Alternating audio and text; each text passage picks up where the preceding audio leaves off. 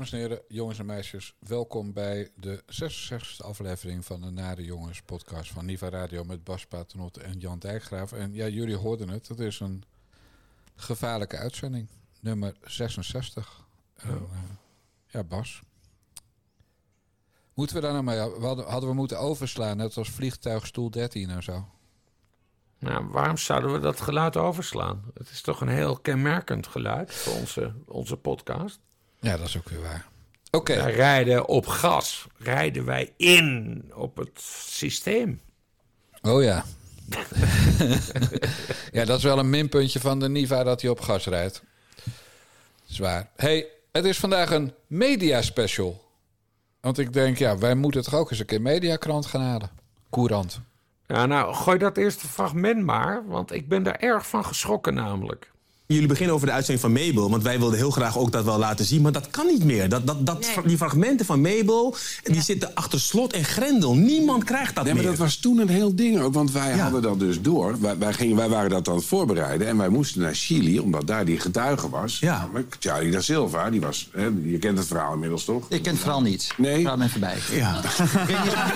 Mabel, is die vermoord? Prinses Mabel. Prinses Mabel. Oké, ja. Prinses Mabel, die had een relatie gehad met een crimineel, eh Klaas Bruinsma. Ik was- Wel of niet, wel of niet. En er was een getuige, een ex-bodyguard van Klaas Bruinsma in Chili, die wist daar meer van. Wij gingen daar naartoe en op het bord stond dat we naar Curaçao gingen. Dat mocht niemand weten. En na afloop is het ook nooit meer uit. Dat is een rechte kwestie. Ja. Maar rechten, rechten van wat? Ja. Wat is dit voor schimmig? We zitten dus net daarvoor. Ze zeggen van, nou, weet je wat, als ze er naar vragen, zeg gewoon rechte kwestie. Goed idee. Wat je dus... Wacht even, nu weten de kijkers niet waarom jullie lachen. Of jullie vertellen het, of jullie... Ik weet het ook. Ik denk RVD. Maar eerlijk, dit is gewoon... RVD. RVD. RVD. Ja. En die kan iets blokken wat jullie journalistiek Nou, hebben uitgezocht. De, de Endemol eh, is de rechthebbende van de beelden. En die hebben aan de redactie van Umberto laten weten... luister, daar zit een... eh, ja, Een blok op. Hier hoor je dus Umberto Tan, presentator van een talkshow. Peter Pannenkoek, cabaretier, grappenmaker uit de BNN-Vara-hoek. Kees van der Spek, de billenmaat van Peter R. de Vries jarenlang. En Tina Nijkamp, oud-omroepdirecteur, onder andere bij RTL en SBS. Die zitten te lachen om censuur door de RVD. Nou, ik, ik heb daar over nagedacht vandaag, want ik snap het ook niet zo goed. Kees van der Spek, hè? hij was. eh, eh, ja, hij was gewoon de, hersenen van Peter de Vries. Ze hebben samen eh, decennia lang dat programma gemaakt. Waarom is Kees van der Spek hier zo aan het lachen? Ik snap, ik, ik, ik kan er met mijn hoofd niet bij. Nee, dat, dat Dit was je. een hele belangrijke uitzending. Ik bedoel, het leidde bijna tot een, eh, tot een, eh, tot een staatsrechtelijke crisis. Maar waarom is die, die van de spek zo aan het lachen? Weet jij dat? Ik snap het niet. Nou, het begon natuurlijk al dat hij voor de, voor de opname van de talkshow van Tan blijkbaar had afgesproken. We noemen het een rechtenkwestie. Kortom, doelbewust ging zitten liegen. Eh, nee, ik heb geen idee, Bas, waarom ook hij een knipmes voor, eh, voor het Koninklijk Huis is. Maar het was bijna een crisis. Het was natuurlijk een echte crisis. Want eh, hierdoor besloot prins Friso om niet aan Jan-Peter Balkenende, de toenmalige premier, te vragen om een, hoe heet dat, een instemmingswet of een toestemmingswet voor zijn Ja, ja, huwelijk voeren. toestemmingswet voor het huwelijk. Ja. Precies, dus daardoor zag hij af van zijn recht op de troon. Terwijl die nummer twee... Nee, je weet hè, ik heb, ik heb, ik heb eh, Peter de Vries heb ik, eh, heb ik geïnterviewd. Eh, ik ken hem een heel klein beetje. We mailden ook wel eens. Die, die Kees van der Spek, daar weet ik helemaal niks van. Maar ik snap gewoon niet dat hij er zo lollig over doet. Nee. Als, als, ja, het is jammer dat, dat, dat, dat Peter R. de Vries is geëxecuteerd in dat, in dat drugsmilieu. Maar ik was wel benieuwd wat Peter R. de Vries ervan had gevonden. Dat hij wist dat dit befaamde fragment met, eh, hoe heet hij? Ch- Ch- Charlie da, eh, da Silva. Char- Charlie da Silva heet hij. over die wijf De van die. Chileen. Nee, maar dat dat, dat dat nu gewist is? Hoe kan dat? Wat is dat voor onzin? Ja, nou, geblokkeerd. Want het gekke is, en dat is natuurlijk ook het mooie van... en daarom is dit ook een mediaspecial. Het mooie is, Umberto had dat fragment prima kunnen uitzenden... want het is op elke, eh, met één eh, zoekopdracht te vinden op YouTube in, in duizendvoud. Dus als Umberto ballen had gehad... had hij gewoon in, eh, in zijn eh, talkshow dat fragment wel uitgezonden. Maar waar komt deze angst vandaan? Weet, weet jij wat erachter zit? Ja, eh, hoe heet dat? Eh, de lakeien van de macht. Hermelijn, Hermelijnenkoorts. Hermelijnkoorts. Kruipers. Het is waanzin. De RVD zijn gewoon ambtenaren. De voorlichtingstak van Mark Rutte. Die beslist dus even van... hé, hey, dit gaan we op geen enkele omroep... dus niet alleen bij de staatsomroep... maar ook bij de, bij de commerciële... gaan we dit nog uitzenden. Nou, ik snap gewoon niet dat die Kees van der Spek daarin meegaat. Hallo, ik bedoel, hè, dit is een soort nationale herinnering. Iedereen weet nog dat dit werd uitgezonden. Peter de Vries, die naar Chili ging of zo... en daar op de Pampas zat... met die, met die, met die, met die dikke Charlie de Silva, de, de, de, de Chileen. Dat is gewoon fantastische tv. Waarom zou je dat nu... En waarom moet de- dat weg? en waarom, en, en dat vind ik echt het belangrijkste, Jan Dijkgraaf. En we gaan het antwoord niet krijgen. Nooit. Waarom gaat die Kees van der Spek hierin mee? Ja, en Umberto Tan. Waarom, eh, waarom heeft die Loveback die beelden dan niet juist uit protest tegen dit soort censuur... gewoon van YouTube getrokken? Ja, Bronvermeldingje erbij, YouTube en er is helemaal niks aan het handje. nee. Waarom, Umberto Tan, heb je gefaald als eh, journalist? En waarom, Kees van der Spek, lach je... Eigenlijk spuug je een beetje op het eh, graf van Peter R. de Vries op Ja, maar dat manier. is het. Het Ja. is spuug op het graf van Peter. Waanzin. Ja, waanzin. Overigens, voor de jongere luisteraars... want die hebben wij ook. Hè? Wij zijn populair bij oud en jong. In die volgorde ook. En Mabel is eh, eh, Mabel van Oranje. Die is geboren als Mabel Los. Die heeft later eh, de achter, een andere achternaam aangenomen. Mabel Wisse-Smit. Ja. Mabel is een hele goede vriendin van prinses Beatrix. Mabel is een hele goede vriendin van de welbekende George Soros. En Mabel heeft dus prins Friso... over wie geruchten ging dat hij niet echt van de damesliefde was... eh, heeft prins Friso geschaakt als echtgenoot. Prins Friso die jammerlijk is overleden onder een lawine. Of Ja. eh, na een ongeluk in de, eh, om met een lawine, om precies te zijn.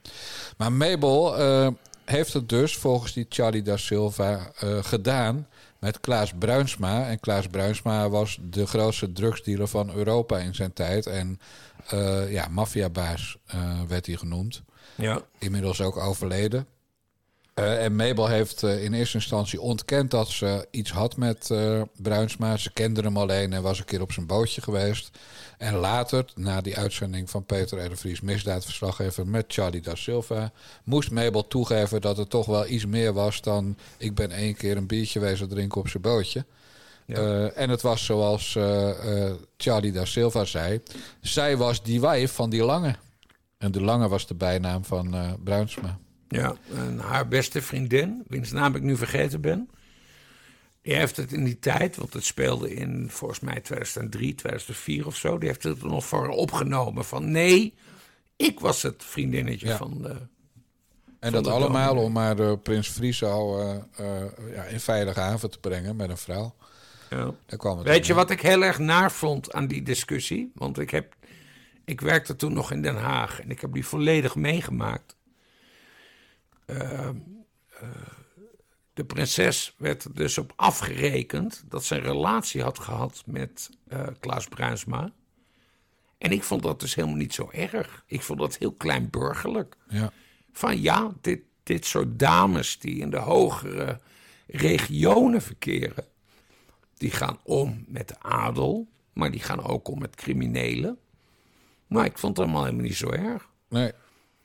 nee, want als je met prins Bernhard omgaat, ben je ook niet helemaal zuiver, toch? Ik bedoel maar, Dijkgraaf. Ja. hey Bas, maar normaal neem je het altijd op voor de, de familie. En voor de moedige vorst en, eh, en, en de moedige prinsesjes en de moedige golddigger uit Argentinië. En, ja, nee, maar goed, dat is natuurlijk een grapje. Want jij weet ook dat ik veel ruzie heb gehad met het Koninklijk Huis. En dat, eh, dat ik een metro weer een stukje plaatste. En dat een voorlichter mij opbelde en me begon uit te schelden. Van hoe durf je dit op te schrijven? Ja. Eh, maar ik ben hier altijd heel helder in. Eh, Je moet respect hebben voor het ambt. Maar dat wil niet zeggen dat je respect moet hebben voor de mensen. Nee. En we weten dat Prins Bernhard heel erg fout was. Fouter dan Klaas Bruinsma, bedoel je dat?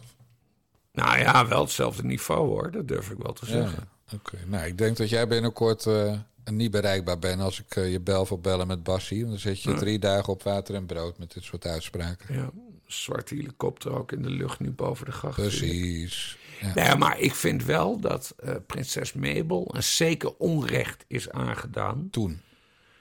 Ja, destijds. Ja. Van, nou ja, goed, ze viel dus schijnbaar op die Klaas Bruinsma. Nou, dat is niet iemand met wie jij en ik een biertje zouden drinken. Want wij hebben mensenkennis en wij weten van, nou, dat, daar komt alleen maar gedonder van. Maar wat heeft ze nou eigenlijk misdaan? Niks. Ze was verliefd op een topcrimineel. Nou, Ja. kan gebeuren. Precies. Het is alleen lastig als je man misschien koning van Nederland gaat worden. Ja. Toch? In Nederland. Nee, maar dat, dat werd het probleem. Ja. Maar en goed, dat heeft ik, ik, wil het, ik wil het onderwerp afronden. Omdat het vooral mij... eh, Het gaat mij vooral om die Kees van der Kees Spek. van der Spek en Humberto Tan. Nee, maar Kees van der Spek. De, de, de, de grootste vertrouweling, professionele vertrouweling... van, Peter, Peter, R. de Vries. En die lacht erover dat dit fragment gewoon niet meer bekeken mag worden. Dat, dat klopt toch niet? Nee. Hoe zou jij voor de kop op Media Courant Kees van der Spek willen noemen? Nou ja, weet ik niet. Ik heb Van der Spek nooit ontmoet. Ik, ik, ik, ik begrijp alleen niet waarom hij erom moet lachen... dat dit hele belangrijke fragment eh, niet meer mag worden uitgezonden. Maar dat vind jij wel pissen op het graf van Peter R. de Vries. Ja, dat vind ik pis op het graf van Peter. R. de Nou, Vries. en het is jammer dat we Peter niet meer kunnen vragen. Ja. Want ik was heel benieuwd wat hij hiervan zou zeggen. Ja, helemaal met je eens. hey, we gaan verder met de volgende faalhaas. Eh we gaan luisteren naar een, eh, een podcast waar jij en ik nog nooit naar geluisterd hebben. Die heet Communicados. En daarin Mhm. hoor je een Victor Lam. Ken je die of niet? Ja, nee, Victor Vlam heet hij. Vlam? Ja, Vic- die komt uit eh, TPO Academy. Die is, eh, bij ons, ja, die is bij ons begonnen eh, vorige eeuw door stukken te schrijven over de Amerikaanse presidentsverkiezingen. Oké, nou, daar gaan we even naar luisteren. En die heeft het over Eva Jinek. Eva Jinek zat aan tafel bij Bo als gast. En het is wel andersom gebeurd dat Bo aan tafel zat bij Eva als gast. Maar Eva heeft nog nooit bij Bo aan tafel gezeten. Ze deed dat in eerste instantie omdat ze een nieuwe Videoland-serie heeft die eh, binnenkort uitkomt. Eh, die gaat over allerlei dingen rondom de zwangerschap. En daar kwam ze over praten. Maar het is ook acht minuten lang gegaan over iets anders. En acht minuten is best wel lang in een talkshow. Eh, de eerste acht minuten waren het ook zelfs. En dat is dat zij reageerde op de beschuldigingen van Vandaag Inside. Dat zij heeft geproost en gedanst op de ondergang van dat programma. Er werd haar door Johan Derksen verweten dat zij op het eh, feest eh, ter, eh, na haar laatste uitzending van het seizoen blij was over het feit dat Vandaag Inside van de buis was. Ja, en, en eh, ze, ze was ook echt aangedaan. Hè? Dus ze zat daar aan tafel en je zag dat ze ja, toch wel eh, nou dat het haar wat deed, dat dat Nou voorbij ja, ze keek, kwam. ja, ze keek enorm ongelukkig. Dat is wat mij eraan verbaasde. Het, het, het, ze, ze, ze, ze, ze leek wel. inderdaad echt diep, diep, diep ongelukkig. Ja. ja, ik moet eerlijk zeggen dat ik het echt wel verbazingwekkend vond dat het daar zo uitgebreid over ging. En ik moet je ook wel zeggen dat ik eigenlijk denk dat het wel aangeeft dat er echt wel zorgen zijn over het imago van Eva Jinek. En ik kan me voorstellen dat die leven bij RTL, bij de productie van de talkshow en ook zeker natuurlijk bij eh, Eva Jinek eh, zelf. Er zijn een paar incidenten geweest die denk ik allemaal optellen. En zo is dat. Een paar incidenten. Nou, de belangrijkste, laatste, want die blijft het best hangen bij de mensen, is, dat, eh, is natuurlijk dat ze heeft staan dansen en juichen toen vandaag in van de buis was gehaald. Haar grote kijkcijferconcurrent. En dat werd onthuld door de zoon van Helene van Rooyen, die werkt bij Vandaag in. En dat ontkende ze. Ze had het niet gezegd. En zelfs de uitvlucht van Johan Derksen met misschien was je wel dronken en was het een grap, die pakte ze niet. Nee, ze zei gewoon ik heb het niet gezegd. En dat heeft ze wel gedaan. Verder hebben we bij, eh, nou, eerder al behandeld eh, de manier waarop ze Erika Renkema voor de bus gooide met eh, behulp van Chantal Jansen. En laten we het eens opnemen voor een van de allergrootste hufters van de Nederlandse cabaretwereld, Martijn Koning. Die heeft ze natuurlijk voor de bus gegooid toen die een, op haar verzoek eh, Thierry Baudet stond af te zeiken in een gesproken column. Baudet Ja. liep weg voor het effect. En Jinek liet de jongen vallen als een baksteen. Ja. Wat doen we met Jinek, Bas? Ingewikkeld, ingewikkeld. Ik weet nog, de eerste keer dat ik even Jinek op tv zag... dat was tijdens de verkiezingscampagne van Barack Obama. Toen eh, presenteerde ze vanuit een penthouse in New York... samen met Twan Huis. Eh, dat was dus de eerste campagne van eh, Obama... En ik ben heel gevoelig voor die Oost-Europese vrouwen, want ze heeft een Oost-Europese achtergrond. Een beetje van die donkere ogen had ze. En ik weet nog dat ik toen tweette... Zo, wat een eh, bijzondere vrouw is dat, zeg. Tering. Wat bedoelde je daarmee? Lekker wijf? Ja, lekker wijf. Zeg dat dan gewoon. Ja, maar dat was uit in de tijd. Hè. Ik, ik, ik had toen ook een relatie met Bojana, een, een Poolse prinses. Dus ik ben, ik, ik, die hele Oost-Europese toestand ken ik heel erg goed. Eh, maar hoe dan ook, dat herinner ik mij. Alleen, ja, er is iets met Eva Jinek gebeurd. En dat is waarschijnlijk dat ze te arrogant is geworden. Ja. En lui. En lui. Hoezo is ze lui? Nou, ze, ze draait minder dan zes maanden een talkshow. Ja. Kijk, als jij, eh, als jij het, eh, het debat wilt eh, leiden in Nederland. Ik snap dat trouwens bij al die talkshows niet hoor. Ze hebben heel veel praatjes. En trouwens niet alleen bij talkshows, snap het bij alle media niet. Heel veel praatjes. Kranten bijvoorbeeld, laten we even dat als voorbeeld. Maar op zondag verschijnen ze niet. En Jinek heeft heel veel praatjes hoe belangrijk die talkshow van haar is. Hè, voor, en, en dat geldt voor al die andere talkshows ook. Hoe belangrijk ze zijn voor het debat en voor de democratie en bla bla bla bla. Maar ze gaan wel altijd vijf maanden in de zomer op vakantie en twee maanden in de winter. Ja. Waanzin. Als je Ik, eh, ik doe vond als het wij. heel naar dat zij werd aangevallen toen. Dat ze een relatie had met eh, Bram Moskowitz, die ik erg graag mag. Daar heb ik wel eens eh, contact mee. Eh, zij is daar echt op afgerekend. Vond ik niet oké, eh, Jan. Nee, nee, fijn dat je het weer voor de opneemt. Maar de vraag was, wat, dus zij heeft eh, NOS-journaal gedaan. Eh, Zij heeft WNL... Hè? Boobies. Ja, WNL op zondag heeft ze gedaan. Ja. Toen is ze naar de, eh, naar de grote jongens gegaan. En eh, uiteindelijk eh, gekocht door RTL voor naar verluid 1,2 miljoen per jaar. Maar iedereen, maar ook echt iedereen, zelfs mensen die haar wel mogen, zegt van ja, ze hadden bij RTL voor die 1,2 miljoen per jaar wel iets meer verwacht dan een parttimer. ja. En dan gaat ze af en toe. Nee, maar ze is dat. En ik. Ik weet niet of ik daar begrip voor heb. Maar ze, ze is op een gegeven moment een totaal BN'er geworden. Nou, dan krijg je ook beter betaald. Maar op een gegeven moment neemt de arrogantie de macht over. Ik denk dat dat is gebeurd met Eva Jinek. Dat ze zichzelf too big to fail ziet. Begrijp je wat ik bedoel? Snap het. Ja. Nou, dan, dan moeten wij eh, mee gaan werken om daar een eind aan te maken. Want dat is niet goed voor, eh, voor het karakter van een mens. Ja, maar ik denk niet dat dit... Dit komt ook niet meer goed, hoor. Dit Nee? is gewoon... Dit is... Haar karakter heeft zich zo ontwikkeld. En, en nee, dat kan ze niet meer aanpassen. Nee. We krijgen niet meer, want zo begon ze... We krijgen niet meer eh, die leuke, onbevangen Eva Jinek. Die krijgen we volgens mij nooit meer terug. Dat is gewoon voorbij. Nee. Ik had, was eerlijk gezegd al helemaal klaar met haar toen ze Hillary Clinton in de dikke reet kroop. En eh, die foto van die ze op het nachtkastje Oh, staan liet zien. Tijdens een interview. Ja, maar echt, dat toen... Toen was ze het al kwijt. Dat Ja. ze niet doorgaat van... Het is niet slim om dit te zeggen. Nee. En verder heeft ze natuurlijk eh, een vorige eh, vakantie heeft ze onderbroken om een exclusief interview met Sigrid Kaag te doen. Hè, toen die bekend maakte dat ze lijsttrekker wilde worden. Ja. Eh, dus, dus ze is ook nog van het team Kaag. Anders leen je niet voor zo'n promotie-interview. Was ook volstrekt kritiekloos. Eh, dus Jinek is gewoon foute boel. En die kijkcijfers komen inderdaad denk ik niet meer goed. Dus die Victor Lam, Vlam, Plam van TPO Academy. Ja, Ja, TPO Academy. Ja. die zag het goed. Maar is die jongen, die is nu Amerika-deskundige. Ja, maar hij werd bekend als Amerika-deskundige omdat hij voor ons ging, eh, ging schrijven. Oh, zo. Nee, maar, maar even serieus. Wie, wie is de beste eh, talkshow-voorzitter ever. Dat is Jeroen Pauw. Ja. Ben je met me eens, toch? Ja, Jeroen Pauw, die... We... Oh, dat Ja, ja, ik prachtige vond Witteman interview. ook erg goed, dat hoor. prachtige interview wat afgelopen week werd uitgezonden met... hoe heet die? Ja, ja, Willy Bortfrequent. Oh, zo prachtig. Ik, ik moest gewoon huilen als een klein meisje. Zo ben ik. Waarom nou Maar Jeroen meisje? Pauw is dus de talkshow-interviewer van Nederland.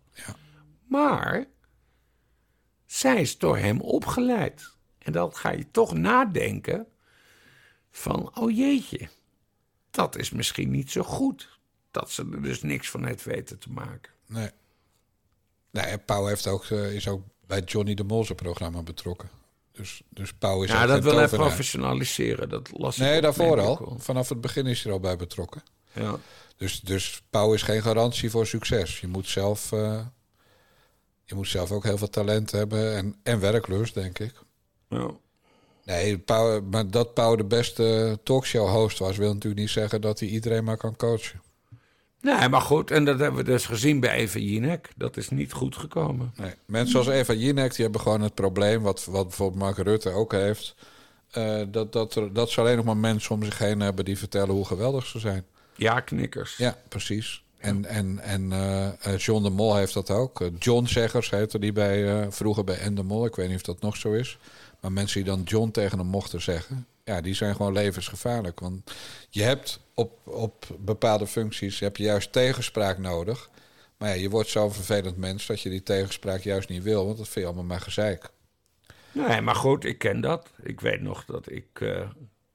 eh, zo, zo werd ik vroeger genoemd. Topverslaggever was bij Metro.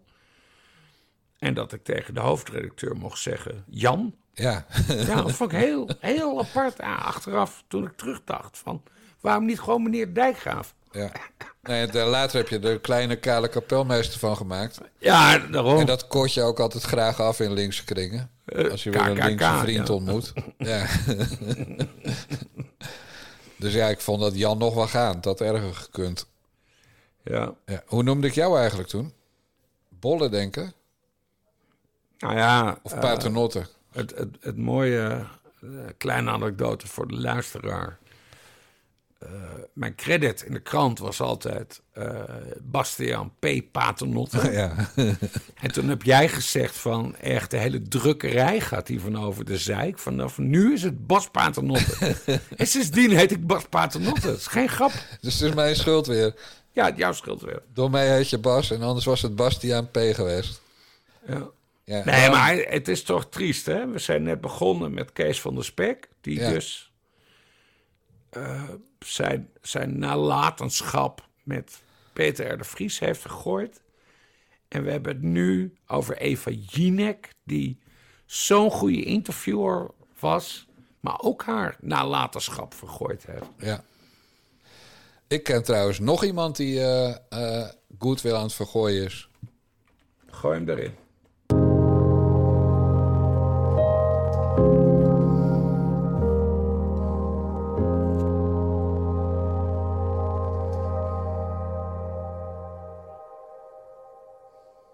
Femke Halsema, burgemeester van Amsterdam, heeft op dinsdag 24 mei een bezoek gebracht aan president Chandrika Persat Santokhi. Het bezoek had tot doel de samenwerking tussen Suriname en Nederland op een aantal gebieden meer gestalte te geven.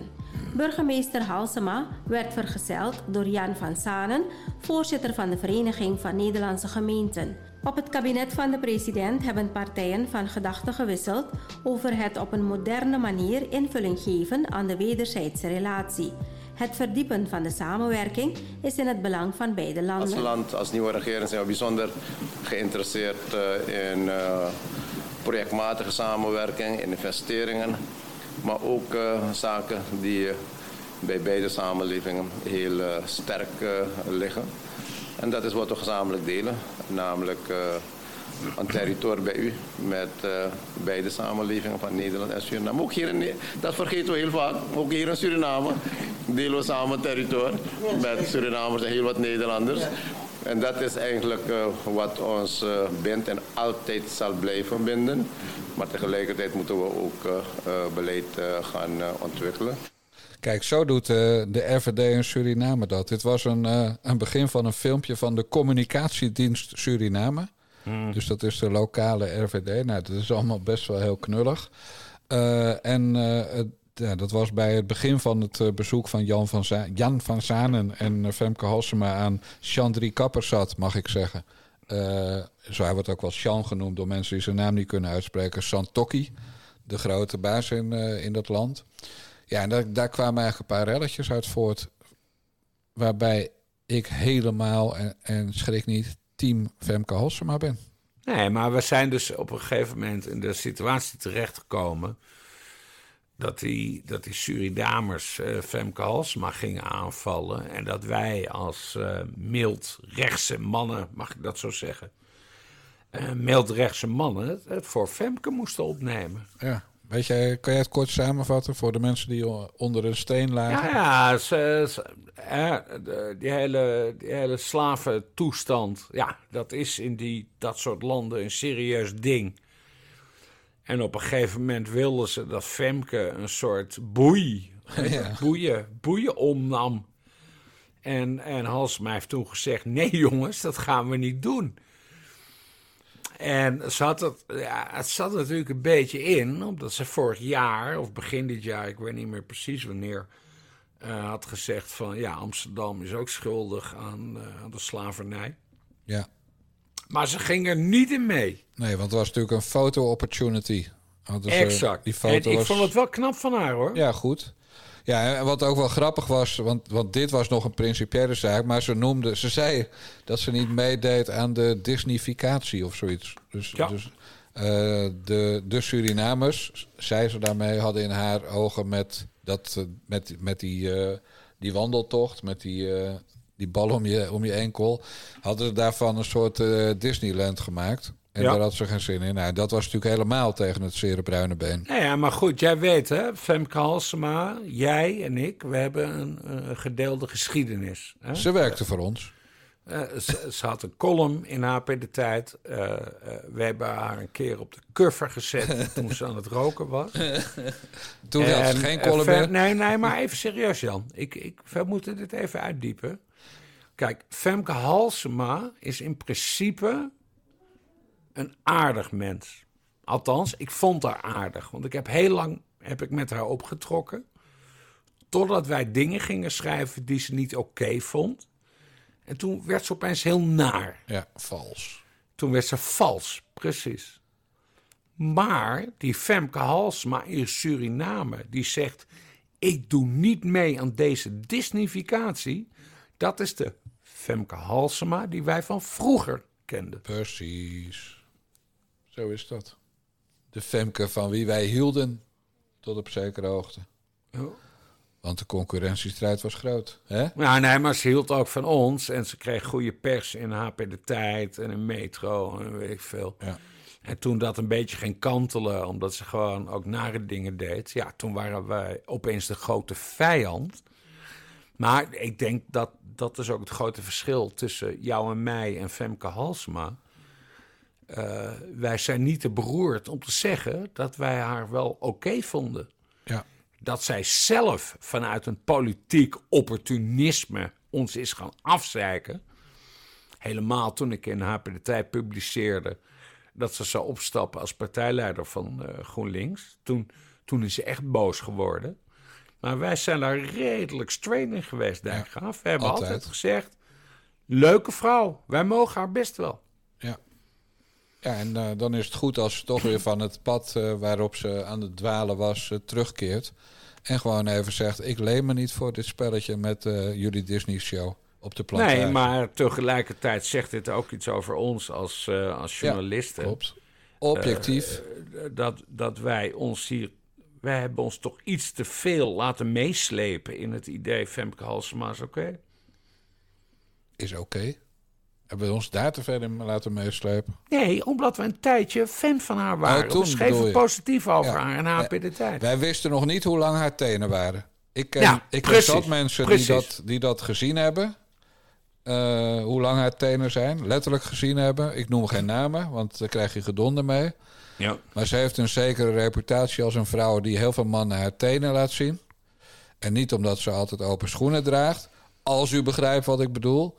Ja. Eh, die Femke Halsema. Maar nog even to the point. Er was nog iets wat ze deed. En waardoor ze me nog meer voor zich innam.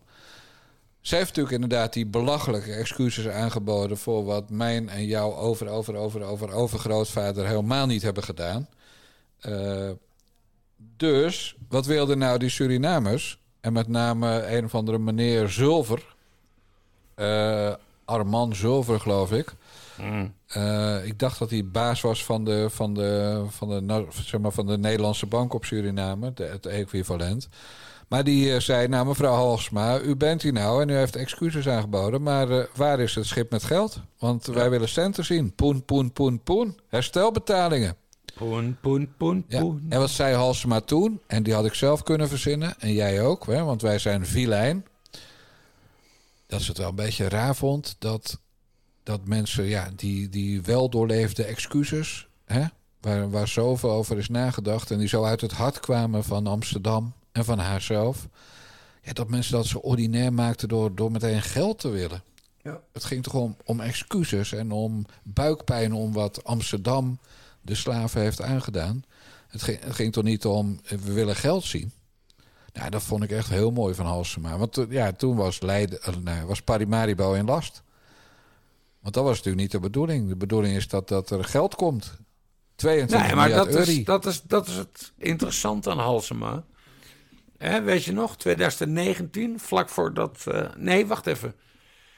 Eh, de, de coronapandemie was al begonnen. En toen had je meer dan 10.000 mensen die op de Dam gingen demonstreren tegen slavernij. Ja. Halsema, die heeft dat begeleid. En tegelijkertijd heeft ze gezegd van... eh, hè, dat weten we van die sms'jes... van dit, dit gaat niet goed, ik heb hulp nodig uit Den Haag. Dat is dus het dubbele van Halsema. Eh, zij was helemaal niet groot, groot voorstander van die, van, die, van die tot slaaf gemaakte demonstratie. Halsema heeft gewoon haar eigen punt over dit onderwerp. En van je kan niet bij mij om geld komen vragen eh, voor geldbeschikkingen. Nee, precies.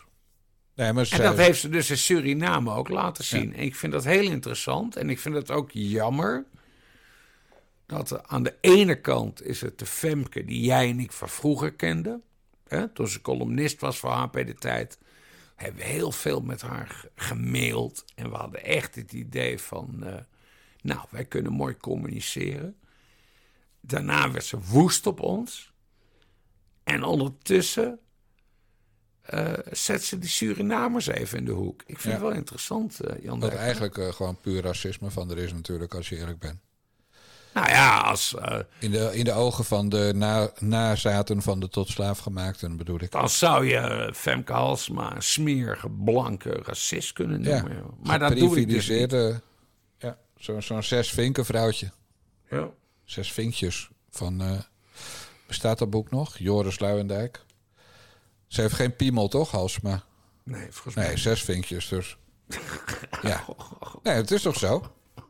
Ze, ze heeft er gewoon zes. Ja. Maar goed, chapeau van Femke. Toch? Ja, complimenten voor Femke Halsema van de Oké. Dare jongens. Ja, nou, omdat dit, Kan de zes. Omdat dit de 66e aflevering is... Ja, gaan we natuurlijk ook nog een klein beetje aandacht besteden aan eh, eh, D66. Rick Nieman. Nog een ander dingetje wat ook speelde bij de publieke omroep, kritiek ook eventjes nog, is namelijk dat er een documentaire over Sigrid Kaag op NPO 2 op 3 januari wordt uitgezonden. En mensen zeggen, ja, die documentaire die werd in werking gezet toen ze nog geen lijsttrekker was van D66. Dat is ze nu wel.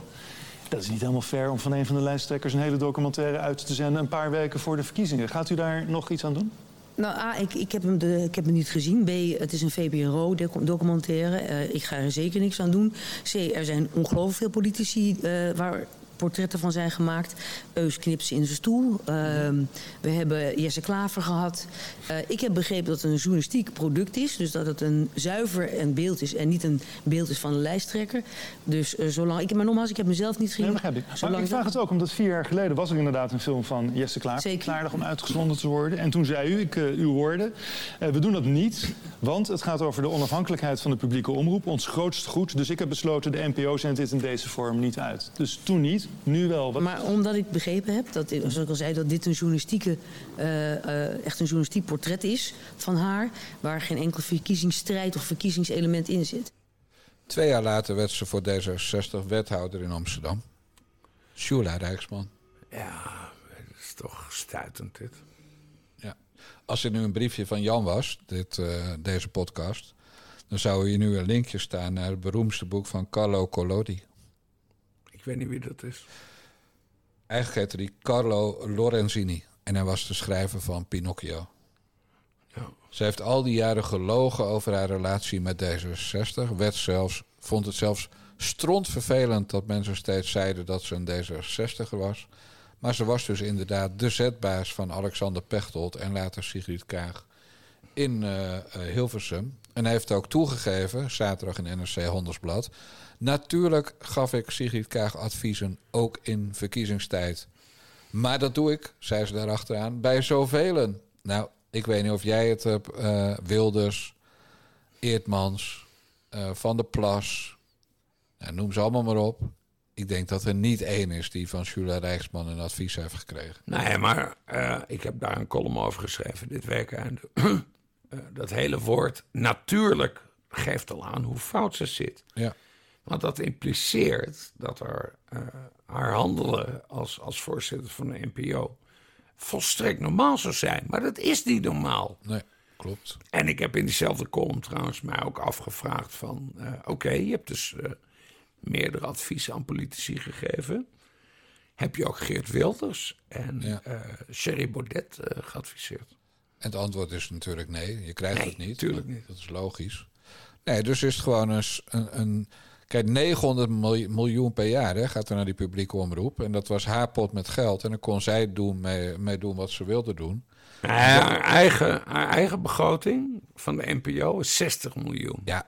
Want zij is een bestuursorganisatie. Maar de macht over wat er op Maar tv is... uiteindelijk gaat het inderdaad over die 900 miljoen. En dit is hoe deze vrouw sinds haar aantreden in 2016 hierin heeft gestaan. Van ik ben een vijfde kolonne van D66. Ja. En dat heeft eh, Sigrid Kaag geen windeieren gelegd bij de verkiezingen vorig jaar. Want eh, ze was echt overal altijd te zien. Inclusief in een, eh, een documentaire die eh, eh, Noord-Koreaanse... eh, ja, Noord-Koreaans van karakter was. Ik wilde eerst zeggen Oost-Duits, maar het was gewoon Noord-Koreaans. Het was gewoon een heldin. En, eh en Sjoerd W. Sjoerdsma, de vuile vieze teringleier... die Martin Bosma vandaag, dinsdag, in de Tweede Kamer... eh, met de nazi's heeft vergeleken. En daardoor eh, terecht is gewezen door... eh, Vera Bergkamp, van dat D66. was wel heel interessant. Ja. Ja, dus Sjoerd W. Sjoerdsma was de eindredacteur van die docu bij de publieke omroep. Ja. Onder verantwoordelijkheid van Shula Rijksman. Ja, je kan er uren over lullen, maar dit is gewoon het bewijs van netwerkcorruptie, zoals dat heet. Nou ja, ik heb, eh, ik heb dat dus opgeschreven van... ehm, eh, Sigrid Kaag had tegen Rijksman moeten zeggen... Hallo mevrouw, u daar beneden. Ik heb uw advies niet nodig. Want ik ben geen Mark Rutte. Ik, ik, ik, ik ga dit op mijn eigen manier doen. Maar dat heeft Sigrid Kaag niet gedaan. En nu is Sula Rijksman eh, wethouder in de hoofdstad geworden. En dan zeggen mensen tegen mij: ja, maar Bassiehof. eh eh, eh, eh, Kaag gaat daar niet over. Dat is een beslissing van de gemeente Amsterdam, de gemeenteraad Amsterdam. Nou, Jan Dijkgraaf, ik zal je dit vertellen. Dit gaat over de hoofdstad. En mevrouw Rijksman is daar wethouder geworden. En het is uitgesloten dat dat niet via het bureau van Sigrid Kaag zou gaan. Tuurlijk, chef Zagge. Chef Zagge. Ja, maar jij zegt altijd eh, wel, of jij schrijft vaak op een mooie manier als je iets eh, gelul van een dronken aardbei vindt. Dan heb je het altijd over je witte behind. En dat Ja. zeg je altijd zo mooi. Dus misschien wil je de zin even herformuleren met die uitdrukking erin. Nou ja, mijn grote blanke behind. Dit is natuurlijk een D66-operatie geweest. En natuurlijk heeft Sigrid Kaag, eh Shula Rijksman, hoe noem je dat, heilig verklaard. Van ja, zij mag wethouder worden. Ja.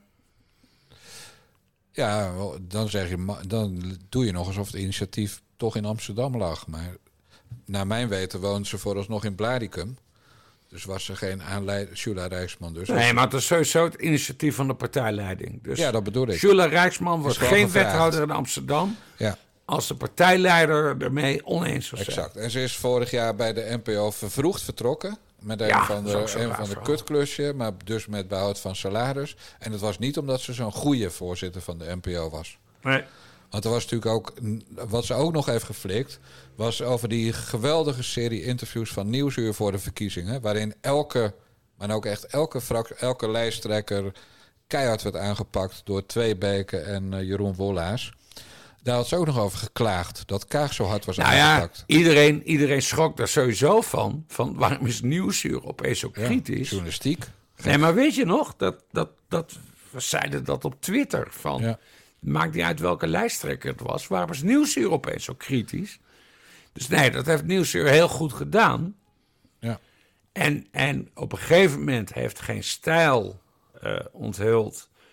dat iemand vanuit de top van de NPO zich heeft beklaagd bij Nieuwsuur. Van waarom zijn al die lijsttrekkersinterviews zo kritisch? En sinds vorige week weten we dus dat het Jule Rijksman zelf was. Ja. Die heeft gezegd, waarom, jij, waarom zijn jullie zo kritisch? Dat is toch absurd, Jan Dijkgraaf? Dat is bijna zo absurd als Kees van der Spek die zat te lachen om, eh, om eh, de Exact, van de je RVD. kan dat gewoon met elkaar vergelijken. Ja. Waar is de kritische distantie gebleven? En Nou, heeft die was bij Kees van der Spek en bij Jule Rijksman. En Humberto Tan. Was die, en Humberto Tan was die dus weg. Ja. Het is eigenlijk een, eh, een journalistieke distantie special die we nu aan het maken zijn. Ja. Nou, maar ik wil ook wel verbinden, Bas. Zullen we dat even doen?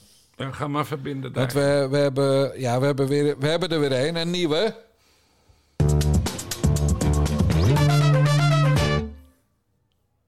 Dus, Omroep Zwart. Hoe zat het ook alweer? Dit is Aquasi. Sommige mensen vonden hem een beetje onhandig in het verleden. Maar het is echt een goede guy. Ja, hij is een lieve jongen. En deze jongen had een droom. Een nieuwe omroep. En wat doe je met dromen? Precies, die deel je met je mattie. Dan zou je hem net hebben. Johnny! Johnny miste ook rolmodellen op tv, maar ook achter de schermen. Dus die hoefde niet lang na te denken. Het ging al snel niet meer over Johnny en Aquasi. Want een nieuwe omroep begin je niet alleen. Deze nieuwe helden vertelden hun plannen aan vrienden. En die hadden ook weer vrienden. Zo werd een vonk een vuurtje en een vuurtje een explosie. So here we are, Omroep Zwart. Aangenaam. Een nieuwe omroep, een nieuw geluid. Nieuwe helden en een heel nieuw podium. Een plek waar iedereen wordt gezien en iedereen wordt gehoord. En we gingen hard. Het werd een golf die niet tegen te houden was en is. Nu zijn we er dus echt. Yes! We mogen beginnen met een redactie, met productie, stagiaires die echte kansen krijgen, een kantoor, een eigen deurmat en ons allereerste programma, Podium Zwart, waar nieuw en ongezien talent een plek krijgt. Speciaal voor jou. We zien elkaar. Ja, waarom ik nou die hele leader van het eerste tv-programma van Omroep Zwart horen? Omdat er geen hond heeft gekeken. 23.000 mensen om precies te zijn. Ja, 23.000. Dat is echt heel weinig, hè? En ze zaten naar kunst en kitsch. Daar kijken een miljoen mensen naar.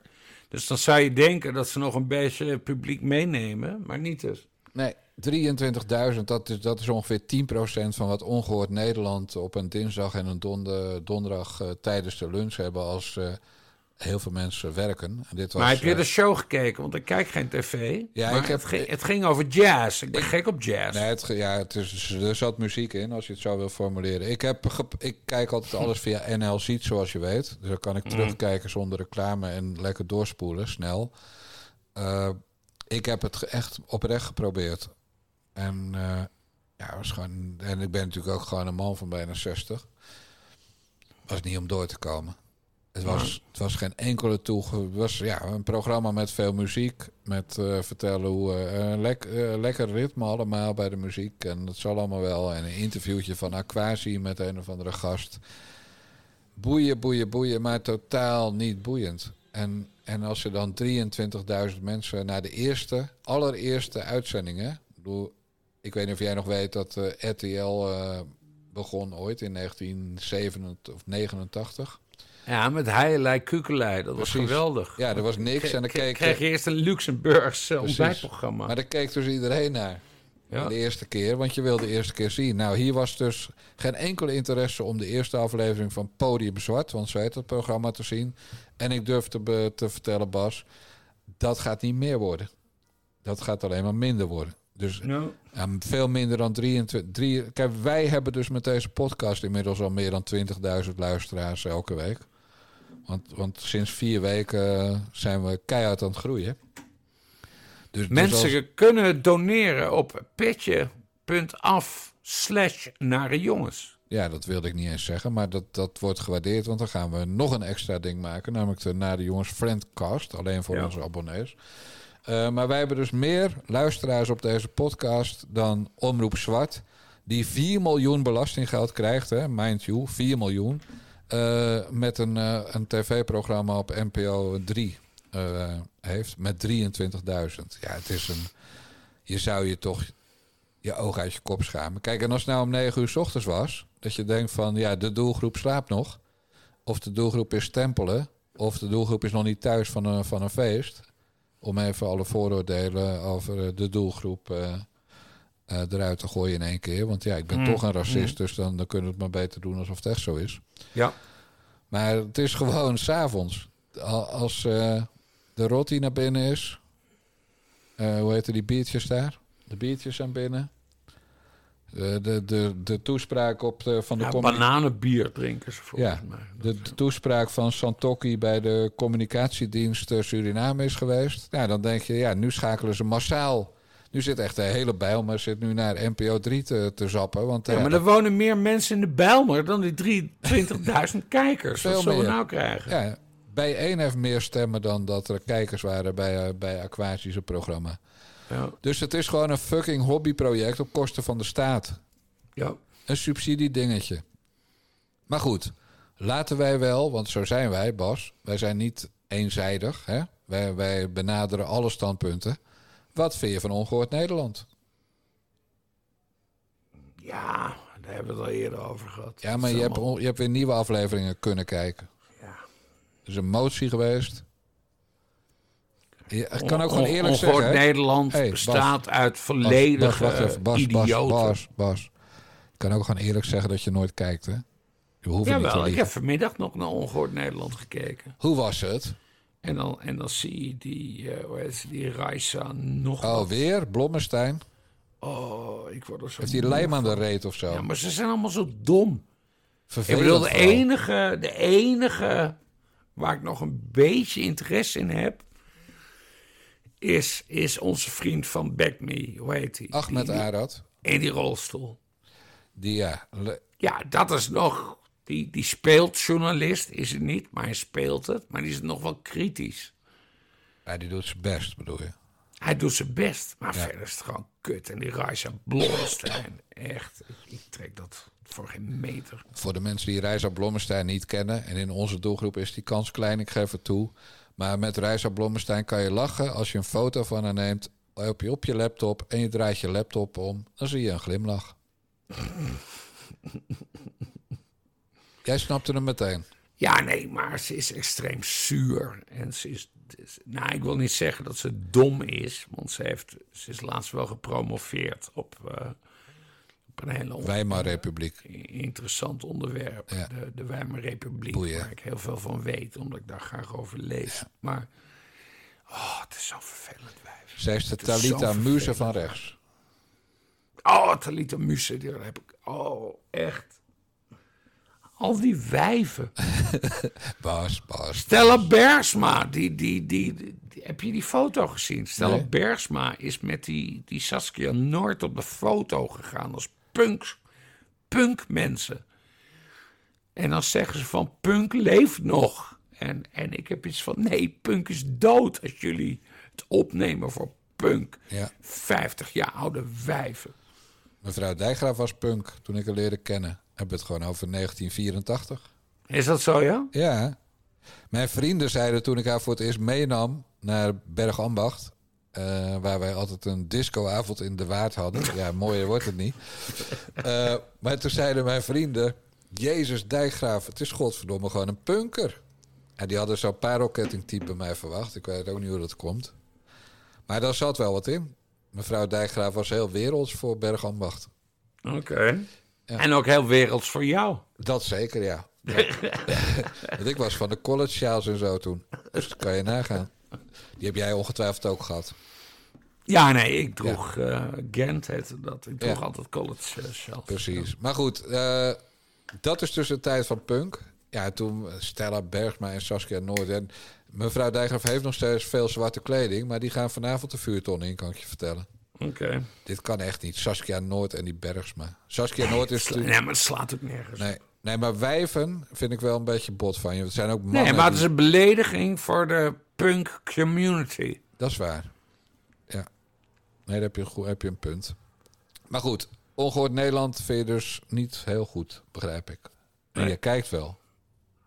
Ja, vanmiddag even gekeken. Ja, die scoren dus meestal net boven de 100.000 kijkers. Ja. Ja, ik wat- zie nu in het draaiboek staan audio Stefano Keizers. Geen idee wie dat is, zeker. Ja, ik weet wel wie het is, want hij heeft meegedaan aan De Slimste Mens. En de verraders. Eh, maar ik vind hem niet zo grappig. Ik vind het een beetje een drama queen. Maar er komt een fragment, dat wil ik nu wel even horen. Het begint met iets persoonlijks. De afgelopen twee jaar heb ik bijna geen inkomsten gehad. Grotendeels dankzij corona. Ik rijd op een roestige fiets met een straatwaarde van 30 euro. Ik woon in de sociale huur op 20 vierkante meter. Ik mag twee keer per maand bij Humberto voor 300 euro een foto maken. Dus in tegenstelling tot jullie drieën ben ik dit spel ingegaan met de motivatie om het prijzengeld te winnen. En natuurlijk is dat geen garantie, maar het is wel mijn reden geweest om zoveel mogelijk mijn best te doen. En mijn kans om ooit nog dit prijzengeld, wat ik kei en keihard nodig heb om mijn gaten te dichten, nog binnen te halen, zag ik stukje bij beetje in rook opgaan. En dat steekt me. Niet omdat ik het verlies. Want ik had 1 achttiende kans om het te halen en ik had me er al lang bij neergelegd dat het me waarschijnlijk niet zou lukken. Waarom steekt het mij? Waarom vind ik het niet eerlijk? Omdat ik persoonlijk echt denk dat jullie drieën niet de terechte winnaars zijn van dit programma. Ja, Stefano Keizers. Ja, jij zei al dat je, dat je hem niet grappig vindt, hè? Nee. Ja, ik ook niet. Ik vind hem vreselijk. Ik ben heel zo klaar met, dat, met dat, die act van hem, dat spelletje. En dit meende hij trouwens. Het was bij de Verraders, de finale. Hij was eh, de laatste verrader en er zou eruit gestemd worden. Werd eruit gestemd. En dan zat hij dus die andere, de drie winnaars, zat hij te misgunnen dat ze wonnen. Want ze waren allemaal te dom en hij was zo slim en hij had het verdiend. Eh, Eigenlijk, wat mij betreft, eh, kappen we meteen over hem. Maar ik heb wel één boodschap voor die gozer. Als jij echt op een, een sociale huurwoning van 20 vierkante meter zit en een fiets van 30 euro hebt en je Wat ik dus niet geloof. Ja, ik wel. Nee, maar hij zit gewoon dik in de, in de publieke omroep. Die, die jongen verdient bakken met geld. Nee, dat, nee dat, ik, ik geloof dat wel, dat hij, eh, dat hij financieel krap zat. Maar, En van die fiets geloof ik ook. Maar ja, het is gewoon een psychiatrisch eh, patiënt. Eh, maar als je echt 600 in de maand verdient... met, met maken van een fotootje voor Umberto... wat best kan hè, in coronatijd... maar dan denk ik, eh, je kan toch gewoon die handjes laten wapperen. Ze zochten bij de GGD toch allemaal mensen... die, eh, eh, die gingen helpen bij die vaccinatiecentra en die testcentra. Dat had hij toch kunnen gaan doen. Imbeciel, met je gejank. Ja, werkloos, werkloosheidscijfers staan sowieso op hun maximum tegenwoordig. Ja. Maar goed, hij is dus echt al zijn vrienden kwijt door dit optreden bij de verraders. En dat is maar goed ook. Want dit is, dit is gewoon het Eva Jinek-syndroom. Bij de slimste mens dacht je nog, goh, grappige gozer. Elke dag eh, bijzondere kleding. Mm. Bijzonder eh, praat hij. Later bleek dat een act en heet, hij heet helemaal geen Stefano Keizers. Maar Gover Meid, ja, ik zou mijn naam ook veranderen als ik Gover Meid heette. Ja. Maar het is gewoon helemaal klaar met die lul. Ja, ik heb hem gewoon nooit leuk gevonden. Ik heb Nee. gewoon niks met die gozer. Echt 0,0. Heel eerlijk gezegd heb ik het ook nooit wel gevonden. Maar ik zie dan mevrouw Dijkgraaf wel drie keer lachen bij de slimste mens. En denk, ja, voor de goede lieve vrede doe ik maar of ik hem ook wel grappig vind. Ja, maar Thea was dus een punker vroeger. Ja, dat, daar komt het waarschijnlijk door. ja, en ik was meer van de soul. Ja. Nee, daar, daar, maar daar heb je wel gelijk in, eh, Bas. Dat is het. Die Stefano Keizers is, eh, ja, dat is de Stella Bergsma van de Nederlandse televisie aan het worden. Ja. Nee, het is... eh, en dat heb- is geen aanbeveling. Nee, ik heb een keer een interview met de jongen gelezen. Hij is dus echt eh, psychisch zwaar in de war een groot, Mm. geweest, een groot deel van zijn leven. Hij heet Gover Meid en hij heeft Stefano Keizers als personage aangenomen. En hij heeft onlangs bekendgemaakt dat hij stopt met het personage Stefano Keizers. En dat hij weer Gover Meid wordt. Maar hij sluit... Gover Meid. Gover, dus Govert zonder T. En dan Meid met een T in plaats van een D. Ja, het is ook heel erg. Ik bedoel, ik zou dan ook bij de psychiater lopen als ik zou heten. Ja, of, of een biografie. Een biografie? Maar biografie maak je toch omdat je wil dat mensen het kopen en dat het gelezen wordt? Ja, nee, Jan Dijkgraaf, die Gover, Gover Meid interviewt een jaar lang. Houd toch op. Wil je me dood hebben? Ik doe alleen nog maar leuke dingen. Komt trouwens wel een nieuw boek aan hè, van de Meilandjes. Ja, hebben we het vorige week Ja, over weet ik. gehad. maar Jan, ik dat denk, weet eh, de luisteraar. Net als jij altijd zegt, mensen, petje.af slash naar de jongens eh, betalen, melden. zo, zo zeg ik, eh, er komt een biografie aan, er komt een boek aan. Over, geen biografie, er komt een boek aan over de Meilandjes. En ik zei de gek mag dat weer schrijven, dus heel veel zin in. Ja. Maar wij zijn geen Eva Jinek, Bas. Dus ook al ben ik er niet omdat ik op pad ben voor dat boek, hè, wat zomaar zou kunnen. Al ben ik maanden weg, elke dinsdag nemen wij trouw de Nare Jongens podcast op. En elke andere dag van de week, wanneer er groot nieuws is, doen we bellen met Bassie. En als we 500 abonnees hebben, en we hebben nog ongeveer 140 of zo nodig, of 130, ik weet niet precies. Maar als we zoveel abonnees hebben via petje.af slash naar de jongens, en dat kost maar 40 eurotjes per jaar, dan krijgen die naast bellen met Bassie, krijgen ze ook wekelijks nog een naar de jongens friendcast. Alleen maar exclusief voor abonnees, niet voor anderen. Gaan we ook geen uitzondering op maken. Eh, en dat doe ik waar ter wereld ik me ook bevind. Want dat kan met de huidige techniek. En nu volgt de opsomming. Bedankjes. Ja, want elke week maken we bekend wie onze nieuwe abonnees zijn. En vanwege de AVG, privacy en mensen die niet, niet willen weten voor hun partner dat ze abonnee zijn geworden van de Na de Jongens podcast, noemen we alleen de voornaam. En dat is S, Tamara, Bram, Duncan, Ant, Maya, Michiel, Okke, G, Jan, Dimitrios, Renate, Joris, Nick, Paul, Mark, Helene, Mike, Rick, Marcus, Roy, Stefan, Jan-Willem, Jos, Peter, Rob, Menko, Wilco, Tom, Miguel, Els, Sabine. En tijdens het opnemen zijn daarbij gekomen Pet en Taat, Rick, Allard, Tieme en Carolien. Dus Bas, het loopt gewoon lekker. Echt prima. Ook gewoon tijdens de opname zijn ze aan het doneren. Ja, dat is toch geweldig. Dan, eh, ik heb eh, op Twitter dan geroepen paternotte melden, want we zouden vroeg moeten opnemen omdat jij eh, nog een debat wilde volgen. Ja. Dus ik, dan roep ik paternotte melden en dan petje.af slash naar de jongens erbij. En dan zijn er toch mensen die denken, hey, ik wil geen klaploper zijn. Ik wil niet alleen maar die gratis naar de jongens podcast luisteren, maar ik wil ook bellen met Bassie horen. En ik wil ook dat die eh, naar de jongens friendcaster komt alleen voor onder ons. Waarin ze dan echt losgaan en alles En durven te that's zeggen. the spirit, zoals de Amerikanen zo mooi weten te zeggen. Zo legt dat.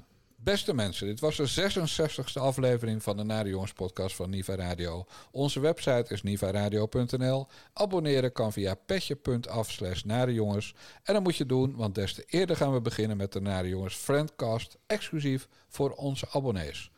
De mazzel. Doei doei.